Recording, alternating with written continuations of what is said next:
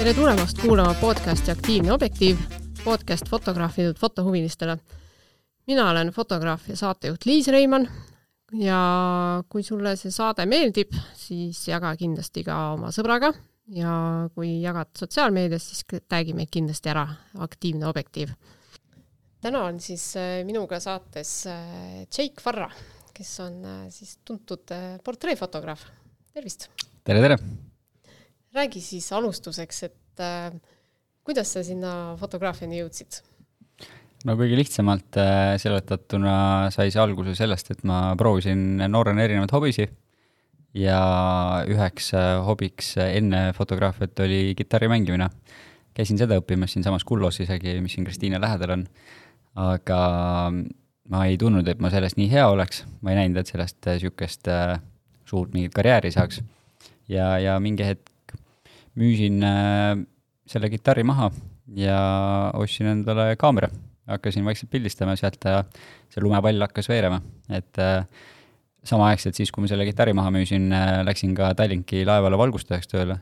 teenisin seal, ma panin endale mingisuguse eelarve paika, et mida ma osta tahan, palju mul selle jaoks raha vaja on ja niikaua, kuni see summa siis täis ei saanud, nii kaua olin siis valgustajana tööl seal, et kuskil või isegi enam väga täpselt ei mäleta, kaua ma seal olin, väga kaua ei olnud, mingi mõned kuud või pool aastat äkki. et nii kui äh, see eelarvesumma tuli kokku, siis äh, andsin seal lahkumisavalduse, ostsin kaamera ja, ja sealt läks edasi pildistamiseks. no okei okay., ja kus sa siis pildistasid esimesed? mu kõige asjad? esimesed äh, pildistamised äh, saidki klubides pihta, et hakkasin seal üritusi tegema, et ma enne, kui ma hakkasin klubides pildistama äh,, ka lisaks siis äh, sellele valgustaja tööle olin ka äh, ööklubides Jõhvikas. ehk siis see, kes koristas baaris klaase põhimõtteliselt ära.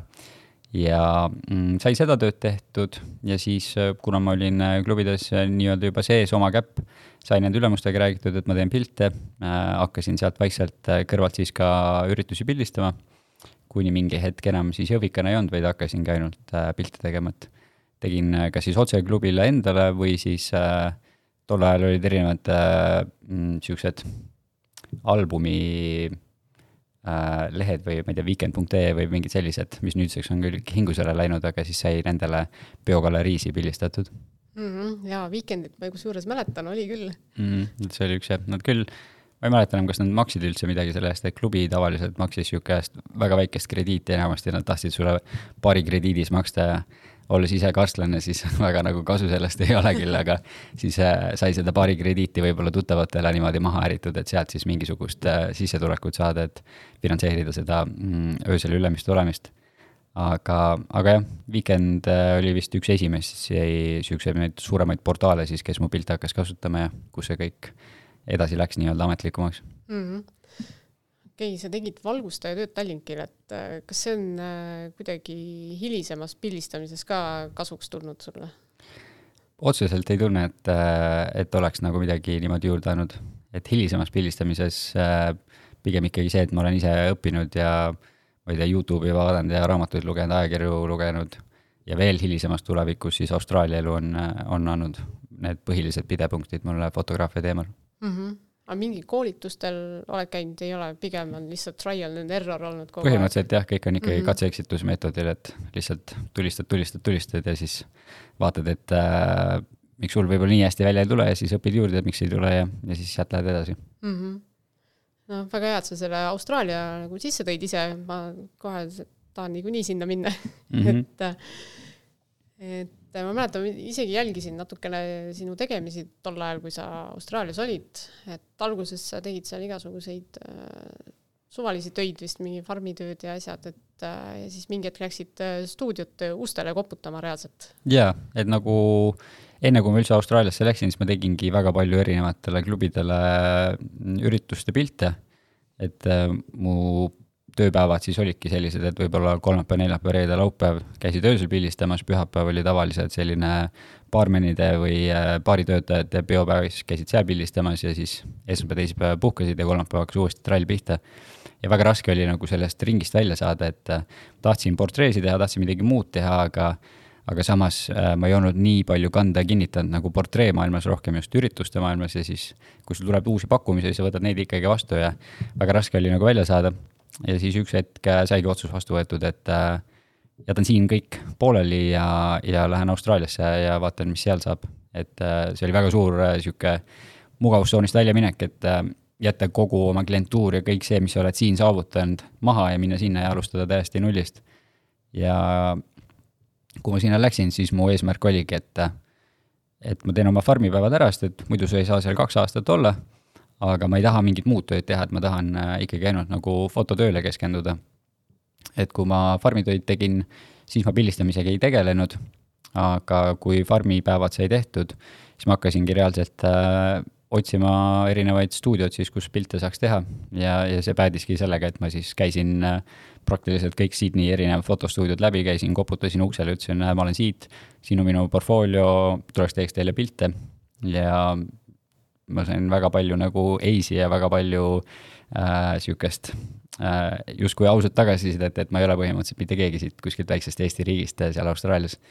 et äh, sihuke paras katsumus oli see, kuni siis lõpuks ma leidsin ühe stuudio, kes äh, oli nõus äh, mulle pakkuma sellist praktikakohta, mitte küll tööd, aga mm, ma sain siis olla äh, stuudioassistent teistele fotograafidele. Ja tänu sellele sain siis jala ukse vahele, hakkasin samamoodi ähm, vaikselt sealt kõrvalt siis äh, ise testpilte tegema, näitasin neid äh, oma siis ülemustele ja teistele fotograafidele, kuniks äh, sain nende usalduse, nemad võtsid siis juba mind tööle, kuni, äh, kuni ma siis lõpuks jah, pildistasin, pildistasin täiskohaga seal stuudios, ülejäänud oma siis Austraalia, Austraalia olemise aja.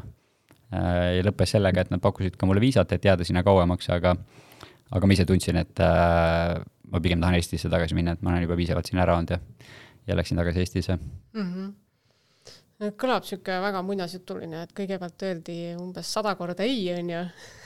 ja siis, siis sai ta jala nagu ukse vahele, et, et äh, kuidas need ei-d äh, sind mõjutanud on üldse või, või kas on?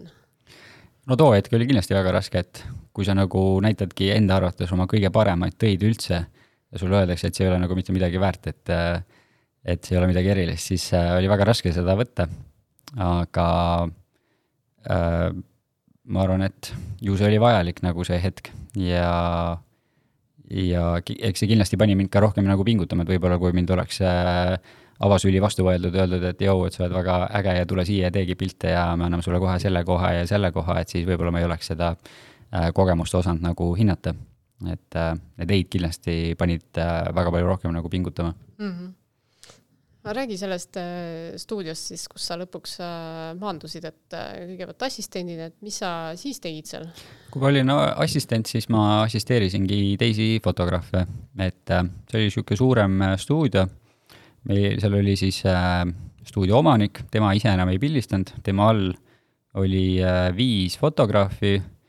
Ja siis sellel viiel fotograafil igalühel oli põhimõtteliselt ütleme, üks või kaks või ütleme, niisugune poolteist assistenti.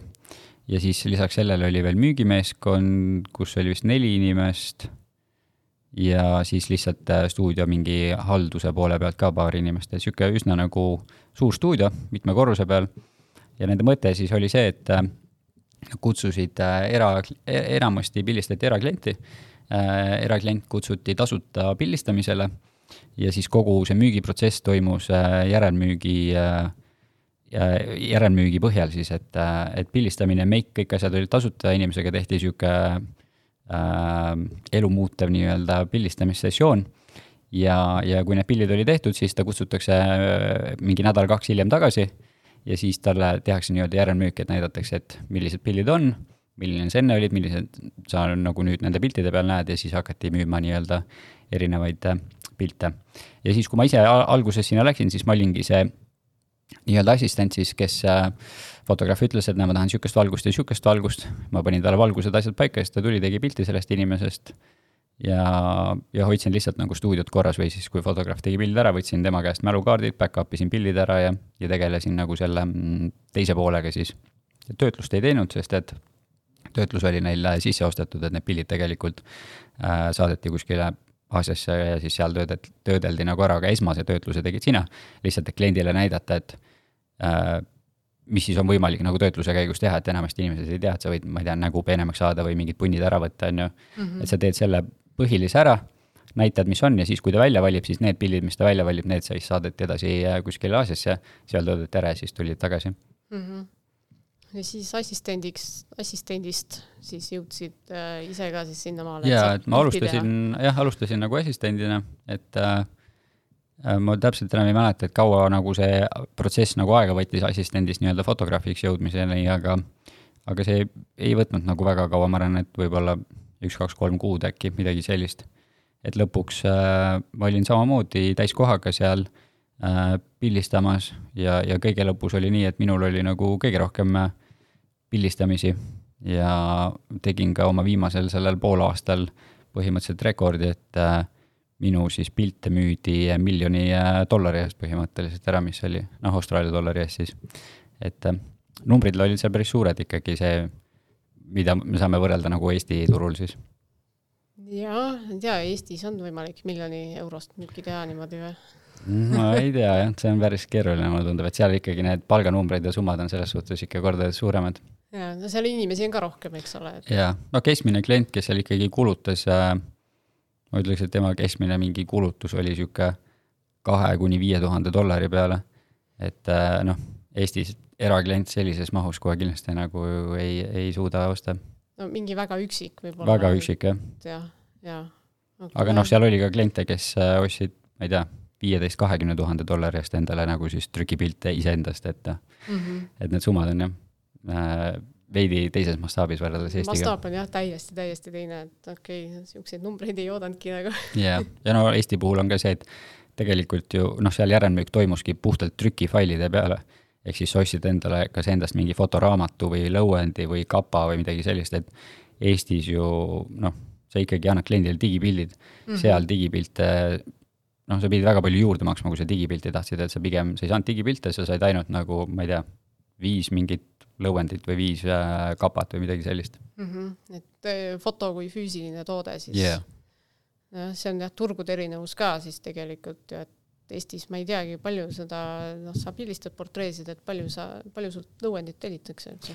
pigem harva, aga noh, võib-olla minu järelmüügi osa ei ole ka võib-olla nii tugev, et ma tean, mõne, mõni fotograaf Eestis ikkagi ka kasutab jõudsalt seda järelmüüki ja just trükifailide osas, aga mm -hmm. ma ise olen pigem läinud sinna digipiltide osa juurde. et see sobib rohkem? jah mm. -hmm. et selle, et noh, võrdluseks ongi see, et Austraalias oli see, et, et sa tegid need pildid ära, see klient kutsuti kahe nädala pärast tagasi, temaga lepiti eraldi nagu sihuke mm, kohtumine siis, kus ta tuli äh, istus eraldi ruumis, talle näidati suure ekraani peal pilte, on ju, siis ta sai seal koos selle teise assistendiga välja valida neid pilte, et Eestis noh, pigem ikkagi sa teed kliendist pildi ära, sa väga rohkem ei kohtu temaga, sa saadad pärast digipildid siis või siis ta valib online'is sulle trükipildid välja, et et nüüd siia juurde lisada veel see, et sa saad reaalselt inimesega uuesti kokku, et see teeb selle aja päris äh, mahukaks.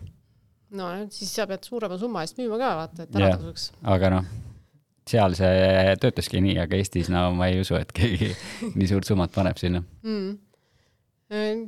kuidas see pildistamise, pildistamine ise nagu välja nägi, et äh, noh, ma sihin nagu küsimusega sinna, et äh, ma olen kuulnud kas kuskilt mujalt intervjuudest asjadest, et sa tegid nagu mingi meeletu koguse klõpse ühe portreesessiooni ajal, et no ma teen ka praegu, et äh, ikkagi, kui mul klient äh, tuleb, siis ma, ma arvan, et ma teen keskeltläbi mingi viissada kuni tuhat viissada pilti inimesest, et, et, et suht palju äh, klõpse, aga kuidas seal nagu protsess välja nägi, oligi see, et klient tuli sisse äh,, temast tehti kõigepealt alguses enne pildid, milline ta siis tavaolekus oli.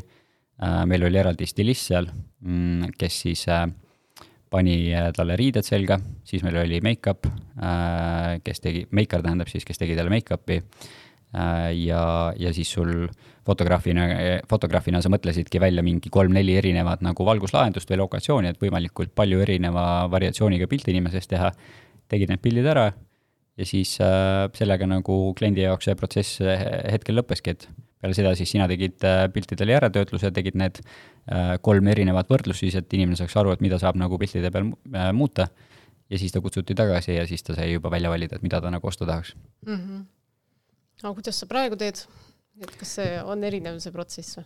Äh, natukene on jah, kindlasti erinev, et, et mul on ka nagu erinevad paketid, on ka võimalik seda, et, et sa tuledki minu juurde pildistama, sul on samamoodi, me kaasame stilisti ja kaasame meikari ja teeme kõik selle ära. aga niisugune lihtsam variant eraisiku näol siis ongi see, et, et ta tulebki nagu pere pildistamisele mm,. ta valib, kas, ma ei tea, erinevate pakettide vahel a la pooletunnise või tunnise paketi. Äh, teeme selle käigus erinevaid pilte erinevates nurkades ja peale seda, kui äh, pildistamine on, lõppenud, siis kuskil nädala-kahe nädala jooksul ma saan talle valiku ja ta saab ise välja valida, et siis milliseid pilte ta soovib äh, endast. kas ta soovib, äh, noh, ta kõigepealt valib välja digipildid ja siis ta saab veel valida, et kas ta tahab mingitest eraldi piltidest trükipilte või mitte. ja kui ta on oma valiku ära teinud, siis need ma töötlen ära ja saadan talle siis lingina tagasi mm. -hmm. et siis äh, aga need äh, meikarid stilistid, kes sul on, et äh, need on sul kindlad inimesed, kes sa oled enam-vähem on jah, kindlad äh, inimesed välja kujunenud, et kellega on nagu hea koostöö olnud ja kes siis mm -hmm. äh, nagu soovivad seda. aga pigem Eestis on, ma ütleks, vähem nagu äh, või, või võib-olla kellelgi teisel on nagu rohkem, aga, aga mul on eraisikute puhul seda osakaalu on nagu vähem, et pigem on ikkagi nii-öelda siis tavapildistamist ilma eraldi äh, meikari ja ilma eraldi stilistita mm,. et klient tuleb ise juba oma nii-öelda riietega ja oma yeah., oma meigiga, kui täpselt mm. -hmm. trükikoda on sul ka mingi kindel koostööpartner? jaa, on kindel koostööpartner olemas jah, kelle olen kasutanud mm. -hmm. kunagi mõtlesin ise hakata printima, ostsin printeri asjad ja aga nagu äh, see oli hea mõte, aga see oligi hea mõte ainult et lihtsam on ikkagi professionaali käest seda toodet sisse osta, kes teab, et ta teeb head kvaliteeti, sa ei pea ise selle pärast muretsema ja, ja nii on nagu ikkagi palju mõistlikum mm. -hmm tundub suht mõistlik jah mm, -hmm. kui sa ise tahad ka veel pildistada rohkem, on ju, ja asjadega tegeleda. mõistlik oma listude juurde jääda. ja, ja ähm, räägi oma stuudiost, et äh, sa tulid Eestisse tagasi, kas sa siis kohe panid stuudio püsti või, või tekkis see mingi aja jooksul? enne tegelikult, kui ma Austraaliasse läksin, siis mul oli ka stuudio bussijaama juures. Äh, aga siis oligi, võtsin vastu otsuse, et see läheb kinni. ja, ja siis ma läksin Austraaliasse, tegin seal pilti ja ma tundsin, et ma tahan ikkagi kindlasti, et mul oleks enda stuudio olemas. Äh, tulin tagasi, praktiliselt kohe sama päev või järgmine päev äh, leidsin juba stuudio, mida hakata siis nagu ehitama. ja see sai nagu valmis tehtud, aga ta oli selline stuudio, kus ei olnud loomulikku valgust ja ta oli ühe teise ettevõtte pinna peal siis ja ta ei olnud ka väga suur stuudio. ja siis ma tundsin, et äh, tahaks midagi ägedamat ja niisugust, et oleks loomulikku valgust ka ja oleks nagu täitsa minu oma, et et kui klient tuleb sisse, et ta ei lähe kellegi teise nii-öelda pinna peale, vaid ta tulebki reaalselt nagu minu nimelisse stuudiosse. ja siis ma otsisin äh, edasi, kuni ma leidsingi Tallinnas Pärnu maanteel oleva Pimedate Ühingu maja ja seal, sinna leidsin siis ruumid, kuhu ma tegin enda stuudio hmm need tingimused olidki siis see, et oleks piisavalt ruumi mm, -hmm. oleks oleks piisavalt ruumi, loomulikku valgust, hea ligipääsetavus, enam-vähem hea asukohaga ka kesklinnas ikkagi ja, ja mõistlik hind mm. -hmm. ja siis äh,, siis hakkasid sisustama seda? jaa, et see alguses, äh, see ruum, mis me tegelikult, mis mul on, äh, oli tegelikult vist mingisugune spordiklubi eelnevalt olnud.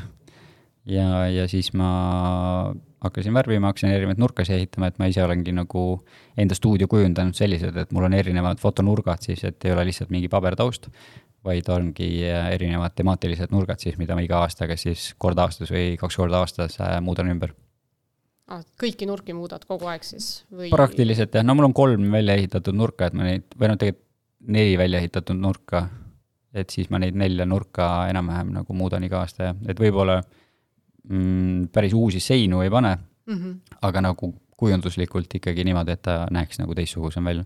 et oleks sellist mingit variatsiooni, et yeah. muidu on kõik üks ja sama kogu aeg. jah yeah,, täpselt. jõulude ajal sa vist teed ka, on ju, eraldi yeah, nurga veel? selle jaoks ongi, et jõulunurkade jaoks, et äh, püüan need iga aasta nagu erinevaks teha, et nüüd, aga noh, nüüd ma olen selles stuudios äh, mingi viis või kuus aastat juba olnud, et vaikselt tunnen, et äh, et äh, muutub mulle juba igavaks, et äh, nüüd mu järgmine plaan on ehitada iseenda stuudio ja siis äh, hakata seal hoopis toimetama. aga praegu on ka enda stuudio ju. jah, aga nagu see on põhimõtteliselt äripind, mida ma üürin, aga nüüd ma tahan ehitada täitsa nagu enda isikliku fotostuudio ärihoonena nii-öelda välja. aa, täiesti eraldi hoonena siis yeah., mis on, okei okay,, see on küll väga lahe, ambitsioone. jah, vähemalt niisugune mõte praegu on, et vaatame, kuhu me jõuame, jõuame sellega, aga mm -hmm. plaan on. vaatame, mis elu toob mm, -hmm. väga kihvt Äh, sa mainisid, et sulle tahtsid val-, seda loomulikku valgust sinna stuudiosse kindlasti saada, samas mm -hmm. sa mhm. pildistad hästi palju ka välkudega, on ju, et äh, no mul on siin nagu kirjas, et äh, noh, et kas sulle meeldib loomulik valgus rohkem või välk rohkem või, aga mulle vist tundub, et sulle meeldivad mõlemad. jaa, mõlemad, et äh, mulle meeldib võib-olla alguses äh, loomuliku valgusega hakata, kui klient tuleb äh, stuudiosse sisse, et äh, välk on nagu väga Mm, agressiivne selles mm -hmm. suhtes, et kui sa lähed inimesena esimest korda fotograafi juurde ja see välk sulle otse näkku lööb, et siis see võib väga tugev olla. Äh, aga samas, kui see on nagu loomuliku valgusega, siis peale katiku klõpsu sa midagi muud ei tunne ega kuule, et et see on niisugune pehmem äh, viis, kuidas võib-olla klient sisse harjutada pildistamisega ja siis liikuda sealt jooksvalt edasi välkude peale -hmm.. okei aga on sul mingi eelistus ka, et sulle endale näiteks meeldib rohkem loomulik või rohkem välk? mulle vist isegi meeldib nagu loomulik rohkem, see on äh, lihtsam ja kuidagi siuksem hajutatum äh, ja noh, kuidagi mõnusam on sellega pilti teha, et aga jällegi oleneb, et kui sa näiteks, kui ma pildistan ettevõtetele mingisuguseid ametiportreesid, siis mõistlikum on teha seda välguga, sest et siis sa saad tagada sellise konstantse ühtse valguse, et kui sa teed loomuliku valgusega ja sul päike läheb pilve taha või, või sa pildistad suvel ja siis pildistad talvel, siis on väga raske nagu täpselt sama käekirja hoida mm. -hmm. nojah, see valgus kohe muutub yeah.. jah, et noh, korra oli juba juttu, et kuidas siis inimesi niimoodi harjutada seal äh, kaamera ees mugavalt olema, et äh, on sul veel mingeid äh, trikke või, või midagi, mida no, sa teed? kõige mugavam ongi see, et sa pead selle inimesega hästi suhestuma, et sa pead aru saama, kust ta tuleb, et klient ei tea, kuidas poseerida, kõige halvem asi, mida talle öelda, on see, et tee midagi. et panna ta niisugusesse imelikku olukorda, et sa pead ise ette näitama kõike, tegema võimalikult nagu mugavaks selle olukorra ja, ja ma ei tea, võtadki mehena siis naiselikke poose või, või mida iganes, teed ennast lolliks, et, et lõhkuda seda jääd mm. -hmm. ja see töötab? jaa, kindlasti, et siiamaani ma arvan, et see on nagu põhiasi, mida ma enda klientide käest kuulen, et ongi, et et kui nad on kellegi teise juures käinud, et äh, neile on öeldud lihtsalt, et tee midagi ja, ja neil on tekkinud selle tõttu foobia või hirm, et nad ei oska midagi teha, et siis ma püüan seda foobiat ära lõhkuda mm. jah, ma olen nõus, ma olen ka kuulnud seda, et tee midagi mis ma nüüd teen? jaa, täpselt, noh, sa ei, ei oska ette kujutada, et, et minu juures pildistamine ongi noh, nii palju kui ma teist, olengi klientide käest kuulnud, et minu nagu stiil on niisugune hästi kiire äh, ja, ja ma hoian seda nagu tempot üleval ja, ja ma klient otseselt nagu ei peagi mõtlema millegi peale, et ma panen ta paika, ma ütlen, kuidas olla, mida me teeme, kuidas me teeme ja, ja püüan seda protsessi nagu võimalikult valutuks tema jaoks teha ja võimalikult meeldivaks mm. -hmm sa juhid kogu aeg seda olukorda yeah. ka, et siis ei teki kliendil nagu mingeid kahtlusi, et kas ma nüüd ikka olen õigesti või ei ole, on ju, et mhm, täpselt. et sinu poolt tuleb kogu aeg mingi tagasiside et.... jaa, pluss ju inimene vaata ei näe iseennast, et mu selja taga ei ole mingit kogu aeg peeglit, mis kaasas käiks, et ta näeks, mis poos on hea, et mina nagu näen, kuidas teda paika panna, et milline nurk on hea ja milline nurk ei ole hea, et siis ma saan kohe jooksvalt äh, seda välja tuua mm. -hmm. jaa mida või keda sulle meeldib kõige rohkem pildistada? et äh, noh jah, see on nagu selles mõttes hea küsimus, et see mida seal on ju, et, et sa mhm. pildistad ju inimesi ja noh. ja no ma olen jäänud äh, praegu inimeste peale, ma kunagi, kui ma alustasin, siis ma pildistasin praktiliselt kõike, tegin üritusi, tegin tootepilte, noh, kõike praktiliselt. Äh, mingi hetk ma jätsingi siis need üritused täiesti välja, et neid ma ei tee enam ja, ja tooteid ka praktiliselt enam ei tee, et nüüd ma olengi jäänud ainult portreede peale. ja mm,? ma olen nagu, seda kõige lihtsam saab ka öelda, et mulle meeldib portreesi teha, et olgu see mhm. selleks siis on ju, kas ma käin kuskil pulmas pildistamas, teen äh, pulmapilte, ehk siis seeläbi ka on ju portreesi või ma teen ettevõtetele mingeid ametiportreesi või ma teen äh, mingisuguseid värbamispilte või brändingu pilte, kus samamoodi tuleb inimestega tööd teha ja, ja, ja portreepilte siis teha, et mm, -hmm. et erinevates võtmetes portreepildid siis. okei okay., aga pulmad siis on, teed ainult seda portreesessiooni osa või? ei, ma teen ikkagi täispika, täispika päeva teen ka ära. et jah, seal on ka mingisuguseid äh, noh, justkui tootepilte, sa teed sõrmustest pilte, on ju, ja, mhm. ja, ja jäädvustad seda melu seal õhtu lõppedes, aga aga see on kuidagi nagu teistsugusem, kui et sa lähed üritust pildistama, kus sa oled nii-öelda anonüümne fotograaf või, või et sa pildistad mannekeni peal äh, mingisugust riideeset või, või mingit toitu mm. -hmm pulmas pildistades äh, sa vist nüüd möödunud suvi võtsid omal assistendi ka appi? jaa. kui ma õigesti mäletan. jaa, et äh, praegu olemegi kahekesi käinud niimoodi äh, pulmades pildistamas, et on palju lõbusam, eriti kui sa pildistad kuskil teises Eesti otsas, et siis sõidud sinna, sõidud tagasi on nagu huvitavad ja annab ka võimaluse nagu hoopis teiste nurkade alt pulma tabada, et kui sa näiteks pildistadki tseremooniat, siis üks saab olla seal pruutpaari lähedal, teine saab kuskilt kaugelt võtta mingisugust kaugvaadet või asja, et mm, -hmm. et see teeb palju nagu toredamaks. no mis sul nagu suurim avastus on olnud selle, selle osas, et, et assistent kaasas on? või äh, second shooter, teine pildistaja? ma arvan, et kõige suurem avastus ongi see, et nagu palju toredam on. et sul on kellega jagada oma mõtteid ja asju ja, ja pidevalt nagu olla kontaktis. -hmm. okei sind on nagu nimetatud mitu korda ka Eesti tippfotograafiks, tipp, äh, tipp-portreefotograaf, et äh, niisugune väga otsene ja niisugune võib-olla natukene liht-, lihtne küsimus, et kuidas siis ikkagi tipptegijaks saada? ma arvan, et see ongi see, et sa teed järjepidevalt lihtsalt head tööd. et ma olen ikkagi pildistanud ka päris pikalt juba, et praktiliselt viisteist aastat nüüd.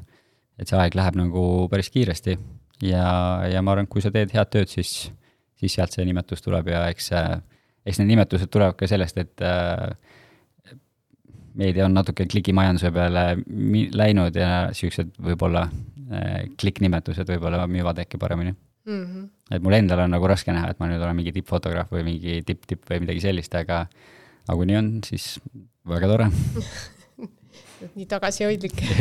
Ma jah, ma ise nagu tunnen, et on veel väga palju võimalik äh, edasi kasvada ja, ja tunnen, et Eestis on veel paremaid fotograafe kui mina. aga, aga mul on hea meel, kui keegi nii tunneb. Mm.. no sellega ma ju-, jõuan nüüd sinna, jõuame siis äh, turunduse teema juurde, et noh, meedia ja ja, ja ka sotsiaalmeedia, et äh, sa tegelikult oled nagu päris äh,, päris nähtav olnud kogu, läbi aastate mm. -hmm. et nii Facebookis, Instagramis, noh, Delfis on mingisugune artikkel sinust või noh, et äh, kui oluliseks sa seda pead, et äh, kas ja kuidas see on nagu ma, aidanud kaasa? ma arvan, et turundus on väga oluline, et kui sa lihtsalt sahtlisse pildistad ja keegi sinust ei tea, et siis äh, siis keegi ei teagi sinust lihtsalt äh,. aga ma ise äh, praegu olen viimastel aastatel just enda arvates vähemalt vähem nagu sotsmeedias olnud ja ma ei ole väga postitanud uusi asju just, et lihtsalt nii palju muud tööd on kogu aeg peal, et ma ei jõua enam sellega tegeleda, et kui ma alustasin, siis ma võtsin endale prioriteediks, et ma olen pidevalt nagu aktiivne, kui ma Austraalias olin, siis ma võtsin eesmärgiks, et kui ma tagasi tulen, et siis ma enne Eestisse tulekut ma pean hakkama kogu aeg postitama, kogu aeg nagu aktiivne olema, sellepärast et ma tahtsin oma kliendibaasi tagasi saada mm. -hmm. ma väga põdesin tagasi tulles, et võib-olla ma ei leiagi Eestis enam tööd, sest ma nii kaua Austraalias ära olnud, aga tagasi tulles ka samamoodi praktiliselt esimesest päevast oli kohe juba mitu klienti nagu nimekirjas, äh, kes soovisid mind pildistama ja, ja see lumepall läks samamoodi väga kiirelt nagu uuesti tööle, et aga teistele jah, ma soovitan kindlasti nagu aktiivne olla, et see pildis olemine nagu tähendab seda, et sa oled inimestel meeles ja, ja eriti alustajatel, et ma tunnen, et minu, minuni jõuavad inimesed enamasti soovitusturunduse kaudu, et kes on minu juures käinud, äh, on häid pilte saanud, nemad soovitavad ja siis järgmised soovitavad ja, ja niimoodi liigub põhiline klientuur minu juurde. aga alustajana sul võib-olla ei ole nii palju soovitajaid, et siis on mõistlik nagu pildis olla ja, ja jagada enda häid pilte ja teha ennast nagu nähtavaks teistele mm. -hmm no et ilma on ikka päris raske.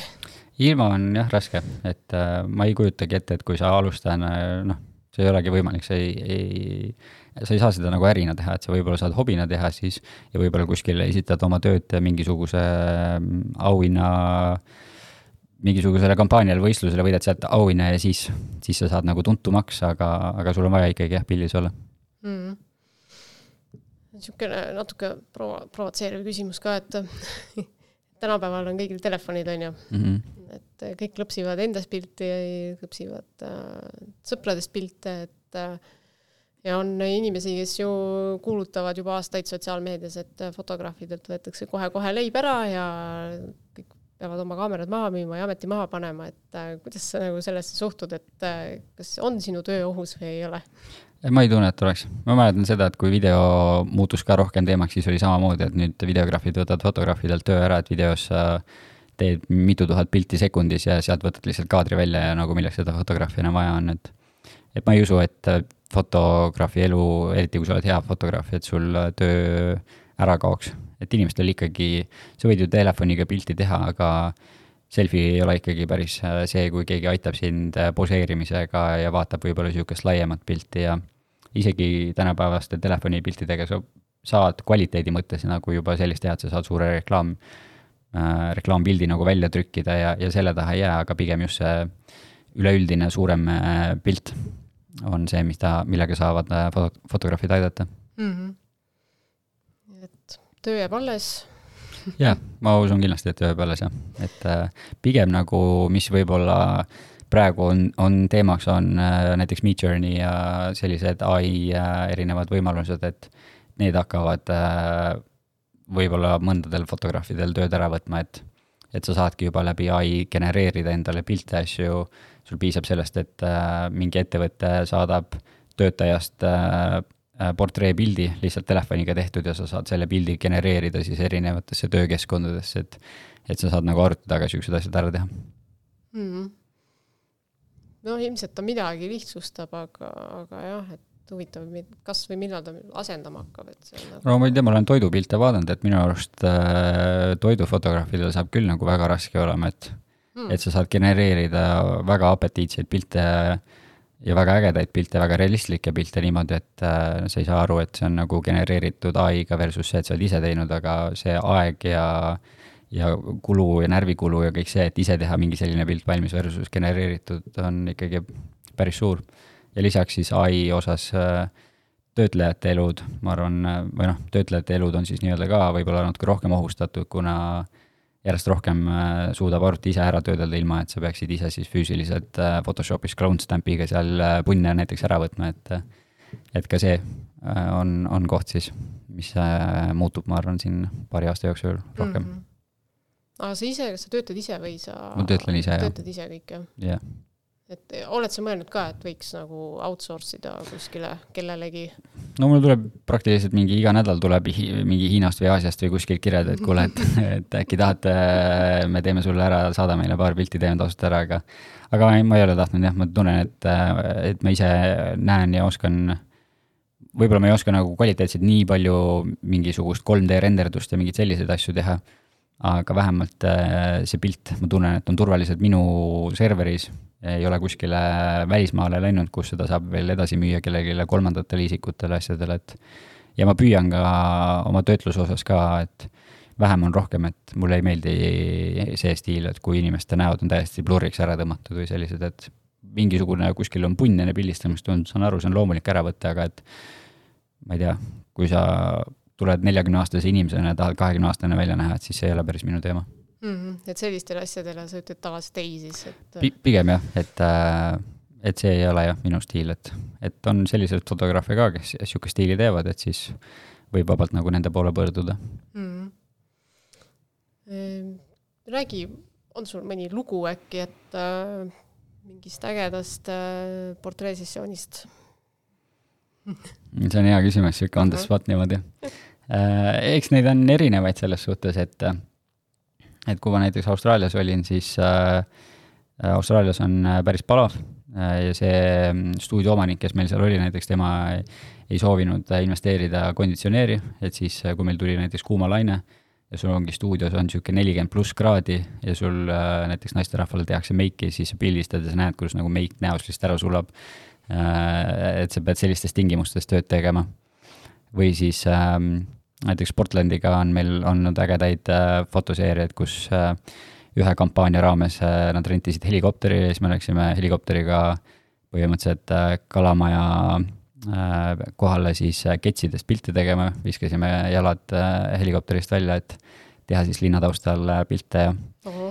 et on erinevad olnud või siis mitte praegust presidenti, aga eelmist Kersti Kaljulaidi käisime pildistamas, et tema puhul oli äh, tunda sellist äh, äh, isegi hirmu veidi äh,, kuna enne, kui ma teda pildistama läksin, siis ma guugeldasin ja lugesin tema kohta, siis ta kõikides intervjuudes igal pool äh, on kirjutanud, kuidas ta vihkab äh, pildistamist ja vihkab fotograafi ja asju, et et siis äh, oli niisugune pinge peal teda pildistades, aga aga kuidas läks siis?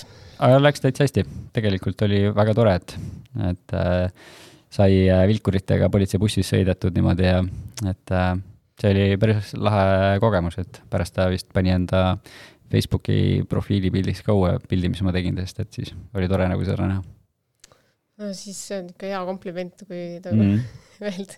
kui inimene, kes ei salli fotograafi ja ei taha pildistamist, et äh, paneb yeah. pildi, on ju, paneb sinna Facebooki kohe. ja no ma üldse tegelikult, kui ma kunagi alustasin pildistamist äh,, oli, on ju Orkut enne oli. siis, enne Facebooki ja niisuguseid äh, kui ma alustasin, või no üldse, miks ma alustasin pildistamist, aga oligi see, et ma vaatasin inimeste profiilipilte ja, ja ma nägin, et need ei olnud väga ilusad ja siis ma võtsin endale nagu südameasjaks, et ma tahan olla see, kes teeb inimestest ilusat pilti ja nad saavad endale ilusa nagu profiilipildi hmm.. ja, ja see oli üks nagu nendest motivaatoritest siis, miks ma üldse hakkasin pildistama okei okay., nojah, praegu on ikka väga äratuntav minu meelest, kui ma nagu vaatan oma seda Facebooki sõbralisti või seda kontaktlisti, et mm -hmm.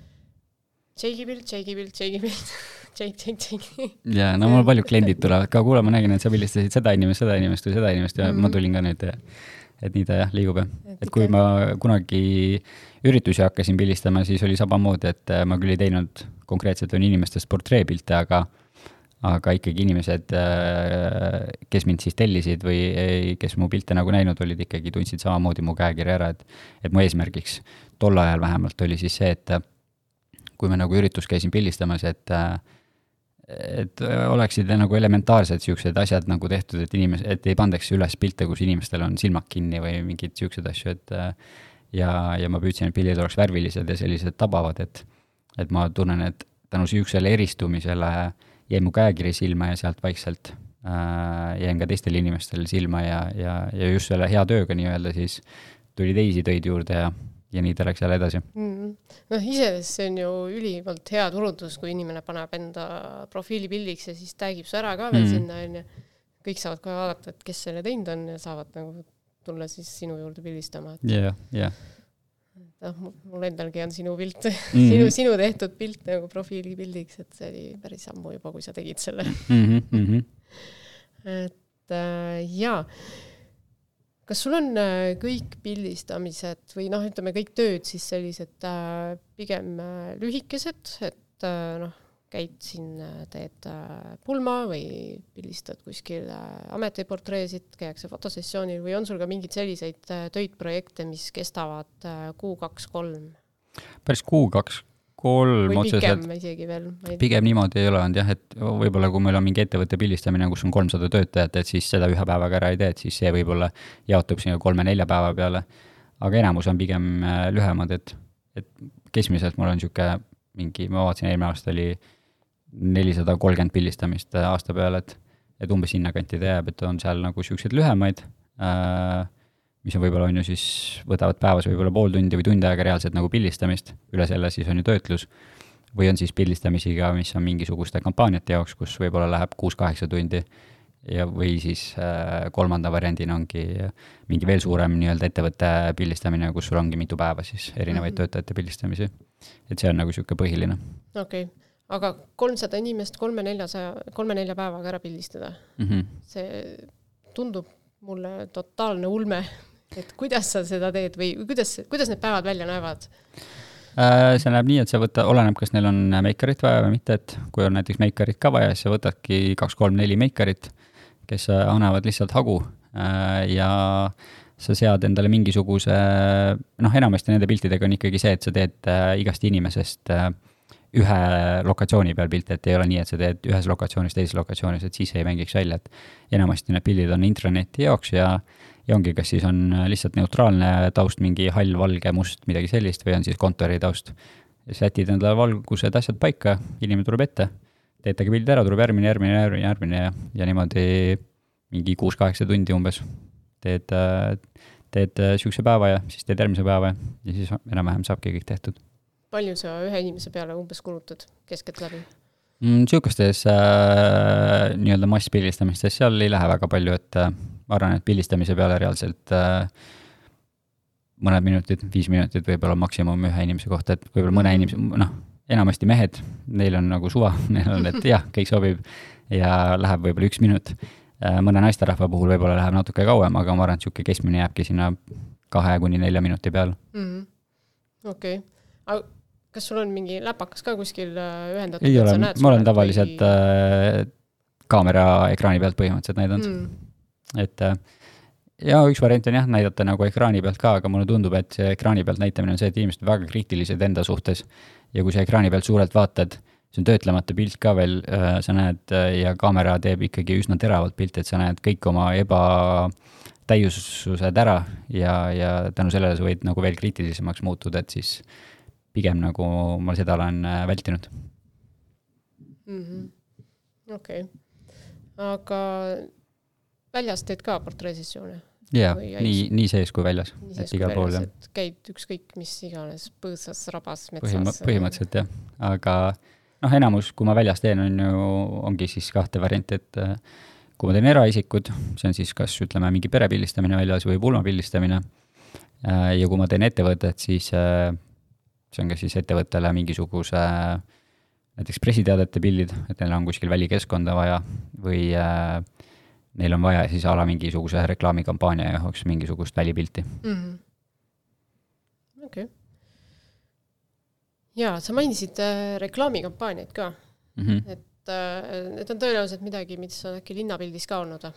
jaa, neid on jah, erinevaid, et äh, noh, Sportlandile äh, on väga palju saanud tehtud ja äh, ja erinevatele ilutoodetele, asjadele ja et, et neid on jah, üsna omajagu olnud mm. -hmm. et äh, mõtlengi, et Sportlandile, noh, võtame lihtsalt selle näite, on ju, et äh, kõik teavad, mis on Sportland mm. -hmm. et äh, kuidas selline pildistamine välja näeb, et, äh, et klient helistab sulle, et meil on nüüd uued riided, et äh, on vaja koos modelliga üles pildistada, et yeah. sa haarad kaamera ja, ja lähed põhimõtteliselt jah, et neil on äh, enamasti on see, et äh, no reklaamikampaaniate puhul on taval-, tavaline see, et äh, neid pilte oli eile juba vaja, et võiksid täna nagu tulla. ja, ja enamasti noh, reklaamikampaaniate puhul on see tore, et enamasti on neil kontseptsioon juba paigas. Neil on ka modellid paigas, et minu sisu on ainult pilti toota, et mm -hmm. kõik muu on juba tegelikult nende poolt organiseeritud, lihtsalt tule kohale ja tee ära see. jah et selles suhtes äh, ongi, et on, enamasti on see äh,, enamasti on lokatsioon ka paigas, kus nad tahavad pilti teha või siis annad sisendit, et kus sa näed, et võiks seda pilti teha. modellid on äh, noh, näiteks Sportlandi puhul neil on enamasti ikkagi sportlased või sellised äh, mm, mitte siis tunnetud inimesed, juba nendega eelkokkulepe tehtud, millal nad saavad. enamasti teistel, teistel niisugustel suurematel pildistamistel ka ikkagi kasutatakse äh, tuntuid nägusid ja siis nendega on eelnevad kokkulepped juba tehtud äh, kliendi poolt. ja, ja siis ongi, siis ongi see pildistamine, et Sportlandi puhul on ju riiet, riiete nagu eksponeerimine äh,, ilutoodete puhul sul ongi võib-olla mingisugused erinevad kosmeetikatooted, asjad äh,, või siis pildistad mingisugust äh, ma ei tea, Boltile näiteks oli lihtsalt äh, Bolti siis äh, ratturid, kes vedasid äh, neid toite, et siis ongi neil on neil nagu nii-öelda palutud siis mõnel kulleril nii-öelda pildil jääda ja, ja nii ta läheb, et oleneb, oleneb väga sellest projektist ja kliendist mm. -hmm. et hüppame nüüd nagu hoopis, hoopis teise teemasse natukene, et et kuidas, kuidas sa oma töid hinnastad? kas sul on äh, fotosessioon äh, mingi fikshinnaga või sa küsid fikshind pluss pildihind või kuidas see käib? mul on põhimõtteliselt noh, siin jälle ka oleneb, et mida sa teed, on ju mm. -hmm. et kui me räägime erakliendi, erakliendi mõttes, siis mul on äh, paketitasu, ütleme, et äh, pooletunnine pakett on äh, kakssada eurot, tunniajane on äh, kolmsada eurot ja siis sealt edasi, et kui sa tahad pooleteisttunnist või midagi sellist. ja, ja siis nendes pakettide sees on äh, fikseeritud arv pilte, et äh, pooletunnises on viisteist ja tunniajases on kakskümmend viis. Ja lisaks sellele siis on võimalik hiljem äh, pilte juurde osta, et mm -hmm. kui sa ei taha piirduda viieteistkümne või kahekümne viie pildiga. ja mm, äriklientide puhul on veidi keerulisem välja tuua, sest seal väga sõltub äh, projektist, et kas me teeme lihtsalt, ütleme, sotsmeedia jaoks, kas me teeme välimeedia jaoks äh,, kaua nende kasutusajad on mm. -hmm ja, ja noh, ametiportreede puhul on ka, et et kas me räägime, on ju, neljasajast inimesest või me räägime kahest inimesest, et sellest äh, väga palju sõltub hind, pluss kas me võtame meikari juurde või ei võta meikari, kas me tahame eraldi stilisti asja, et seda on nagu väga niisugune äh, projektipõhi, põhine hinnastamine. aga jah, eraklientide puhul on niisugune fikseeritud, et ma kunagi äh, pildistasin niimoodi, et äh, mm, inimesele tuli siis äh, kõik pildid kaasa, et sul oli, on ju, kindel summa ja, ja siis inimene sai kõik pildid, aga siis ma ei mäleta, kas enne Aust-, jah, peale Austraaliat tagasitulekut, siis ma vist tegin selle hinnastamise muudatuse, et et sul on fikseeritud arv äh, pilte ja siis vajadusel äh, ma saan järelmüügiga juurde müüa neid pilte mm. -hmm. ja toimib? jah, väga hästi, et äh, ma oleks võinud seda juba aastaid, aastaid varem teha, et palju mõistlikum. ja, ja mul on ka see, et ma enne tegin nii, et ma noh, töötlesingi praktiliselt kõik pildid ära ja andsin kliendile, siis nüüd ma lasen kliendil ise välja valida, et mis pilte ta tahab, et ma töötleksin, et see on mu tööaega väga palju lühendanud. Ja palju kergem on lasta kliendil välja valida neid pilte, kes ise teab, millise nurga alt äh, talle meeldib ennast näha ja, ja sina ei pea nagu võtma seda vastutust või otsust siis tema eest põhimõtteliselt, et ta ise valib, et mulle meeldib see nurk ja siis sa selle alles töötled ära, et siis see äh, lühendab ka seda töötlusaega, et kui sa enne töötlesid, ma ei tea, sada pilti ära ja nüüd sa pead viisteist pilti töötlema, et see vahe on päris märkimisväärne. see on jaa, absoluutselt, ikka mitmekordne ikka yeah.. ja, ja saad selle võrra rohkem pildistada. no absoluutselt jah, või investeerida. või investeerida jah yeah., just. et äh, seal, sa mainisid neid äh, hinnastamist ettevõtetele ja siis tõid välja seal, et noh, et oleneb, äh, kas pildistad sotsiaalmeedia jaoks mm -hmm. ainult või, või mingi välimeedia ja kui kaua ja nii edasi, et kas yeah. sa litsenseerid ka oma fotosid või müüd kuidagi litsentsiõigust või midagi sellist äh,? jälle oleneb jah, mõne kliendi puhul olen teinud, mõne kliendi puhul ei ole teinud, et äh, oleneb väga nendest kokkulepetest jah, et et mida soovitakse, et mõne puhul ongi see, et kasutusaeg on a la kolm aastat mõne puhul on see, et ainult selle konkreetse kampaania raames lähevad üles, mõni ostab endale lihtsalt pildi panka ja nad saavad nagu tähtajatu õiguse kasutada ükskõik kui kaua, et siis mm -hmm. sõltub jah, mis see nagu sisu on. okei okay., äh, varastatud ka on su pilte? jaa, ikka on varastatud, et äh, mõnikord ikka sotsmeedias leiad enda pildi kellegi pealt, et õnneks äh, portreepilte vähem, et äh, on äh, tulnud, noh, kuna ma saadan kliendile pildi valiku, siis teoreetiliselt saad print screen'iga on ju välja võtta sealt kehvema kvaliteediga, on, on seda ette tulnud, aga väga harva, et noh, ma arvan, mingi ma ei teagi, tuhandeid, tuhandeid erakliente pildistanud, et sealt võib-olla kaks-kolm on võib-olla teinud niisugust asja, et et see on ikkagi väga olematu, olematu protsent. aga mm, on pigem nagu ma ei tea, üks, üks aasta tegin lihtsalt mingisuguse jõuluseeria, lihtsalt enda jaoks käisin linna peal pildistamas, siis äh, neid pilte äh, olen leidnud, kui on varastatud äh, just Raekoja platsil, kui oli see jõuluturg. aga siis selle puhul samamoodi ma lihtsalt äh, need ettevõtted, kes need võtsid, saatsin neile arve ja tasusid selle ära ja siis justkui ei saa nagu öelda, et see oli varastatud enam. kõlab nagu väga lihtsalt, et äh, mul on jah, nagu no, pigem nagu punnid vastu, ei vaielnud sinuga ei olnud jah, selles suhtes, et äh, mul olid nagu screenshot'id, tõestused, näed, siit on see võetud, see on minu pilt, on ju, mu taks on see niisuguste tööde puhul ja selle puhul saatsin arve ja ei ole olnud ühtegi jah, probleemi, et ma olen lugenud sealt fotograafide grupist, et mõnel on ikkagi väga palju probleeme olnud ja, ja on saadetud väga nagu niisugustesse kohtadesse, et et noh, midagi sealt ei saa, et, et mul siiamaani on nagu jah, õnnestunud, et ei ole nagu nii hull olnud mm. -hmm. no siin alles värskelt oli just Tarmo Haud mm -hmm. ju Keskerakonna Keskerakond yeah. jah, varastas temalt pildid ära, et ja punnivad vastu, eks ole, et mm -hmm. me ei maksa midagi, et me siin edendame turismi ja. jah, jah, no see ongi jah, vist väga oleneb, et kes sul satub seal vastaspooleks olema ja kui palju sa ise nagu viitsid ka mm. -hmm.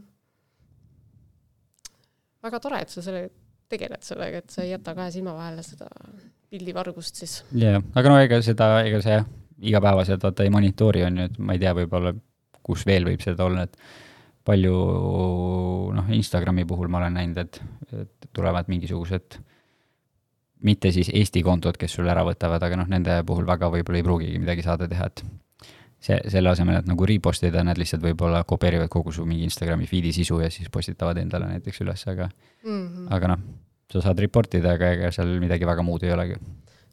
jah, see on nagu hoopis teine, teine maailm nagu, et mm -hmm. see on ka mingi pool skämm-kontod ja pool bot'id ja. jaa, täpselt, et noh, selle vastu sa ei saa võidelda, ma arvan. jaa. siis selline küsimus ka, et äh, kas sul on plaanis või oled sa teinud mingeid äh, isi-, isiklikke projekte? Kunagi, kui ma alustasin ja siis mingi pool aega sellest edasi on ikka olnud, olen teinud. praegu ei ole, pole lihtsalt olnud aega, et äh, teha, et pigem ongi see, et kui mul ei ole nagu pildistamispäeva või ei ole töötuspäeva ka, et siis ma nagu kaamerat hea meelega ei võtakski. et ma lihtsalt äh, tahaks midagi muud teha Mm -hmm. samamoodi, et kui ma käisin kunagi reisimas, siis ma alguses võtsin alati endale nagu seljakotiga kõik objektiivid, kõik kaamerad kaasa, statiivid, asjad, ronisin kuskil mäe otsa, et seal neid pilte teha, siis nüüd viimased reisid ma olen ainult telefoni kaasa võtnud. ja nagu need reisid on kümme korda paremad, et pole mõtet äh, neid äh, kaameraid ja objektiive kaasas tassida, et telefoniga tegelikult saab sama häid pilte teha ja ja mulle meeldib palju rohkem see, et ma olen reaalselt seal kohal, kui et äh, Macaronides tassin mingit, ma ei tea, viitekümmet või ma ei tea, mitut kilo endale seljas lihtsalt, et teha seal kaks klõpsu. enam ei paku pinget see, et ronin mäe otsa ja teen pildi ei no ma teen pilti ikka, aga no, pigem teen telefoniga. jaa, ma pigem tahaks jah, seal kohapeal olla, et, et äh, võib-olla kui ma tegeleks nagu eraldi sihukeste piltide müügiga, siis nagu võib-olla oleks sellel rohkem pointi, aga uuemate telefonidega sa saad juba tegelikult päris hea kvaliteediga pildiga kätte, et võib-olla nagu pimedas ajas on nagu raskem, aga, aga muul ajal, kui e-, enam-vähem nagu ilus valgus on, siis tegelikult sa saad täitsa viisakad pildid kätte mm. -hmm. sa korra mainisid siin äh, investeerimist mm. -hmm. miks sa, miks sa hakkasid investeerima?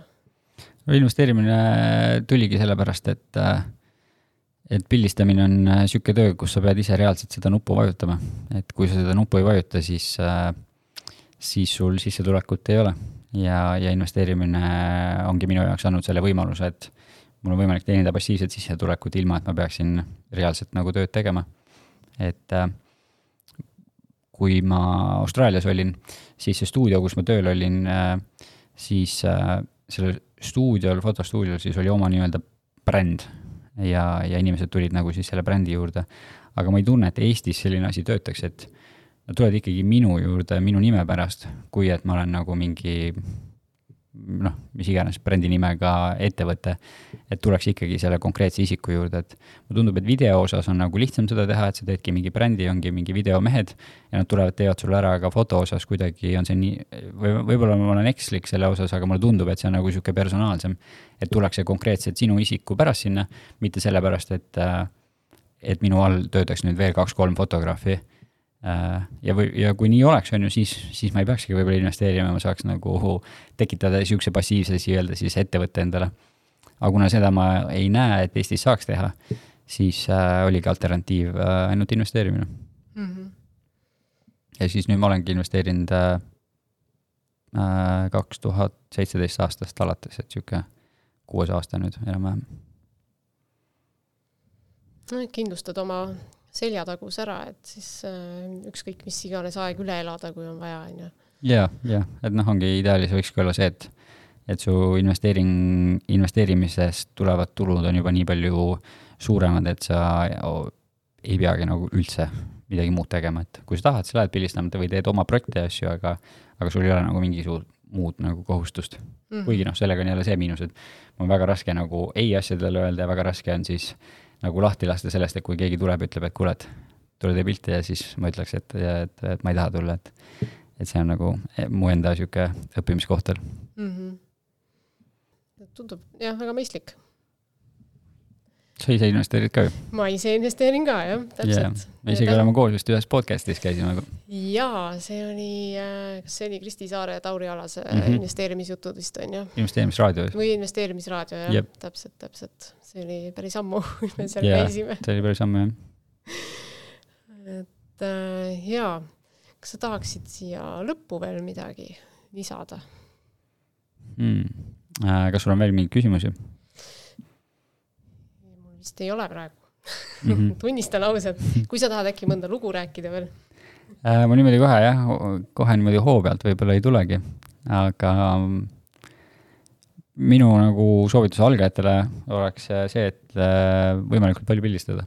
et äh, läbi selle tuleb see kogemus ja läbi selle sul see silm äh, läheb paremaks ja ära pildista nagu sahtlisse, sest siis keegi ei tea, mis sa nagu teha suudad ja minu jaoks foto on olnud ikkagi puhtalt äri, et äh, ma ise nagu ei näe, et ma nüüd kunstiliselt oleks, ma ei tea, tippklassis või esmaklassis Eestis, et ma tunnen, et, et kunsti osas on nagu Eestis väga palju ägedamaid fotograafe, kes teevad nagu reaalselt niisugust väga kunsti, kunsti äh, fotot. et minu jaoks on jah äh,, fotograafia olnud äri ja, ja ma olen seda võtnud kui ärina, et äh, kliendid on olulised, sa vastadki klientidele kiirelt, äh, tõhusalt ja sa oled pidevalt pildis ja, ja toimetad kõike läbi siis, läbi ettevõtluse mm,. väga, väga super lõppsõna. jah. ja, aitäh sulle! ja aitäh, et kutsusid! hea kuulaja, kui said siit saatest midagi huvitavat teada, siis jaga seda kindlasti ka oma sõbraga ja sotsiaalmeedias. ja kindlasti jälgi meid Instagramis, otsi meid sealt ülesse, aktiivne objektiiv. järgmise teisipäevani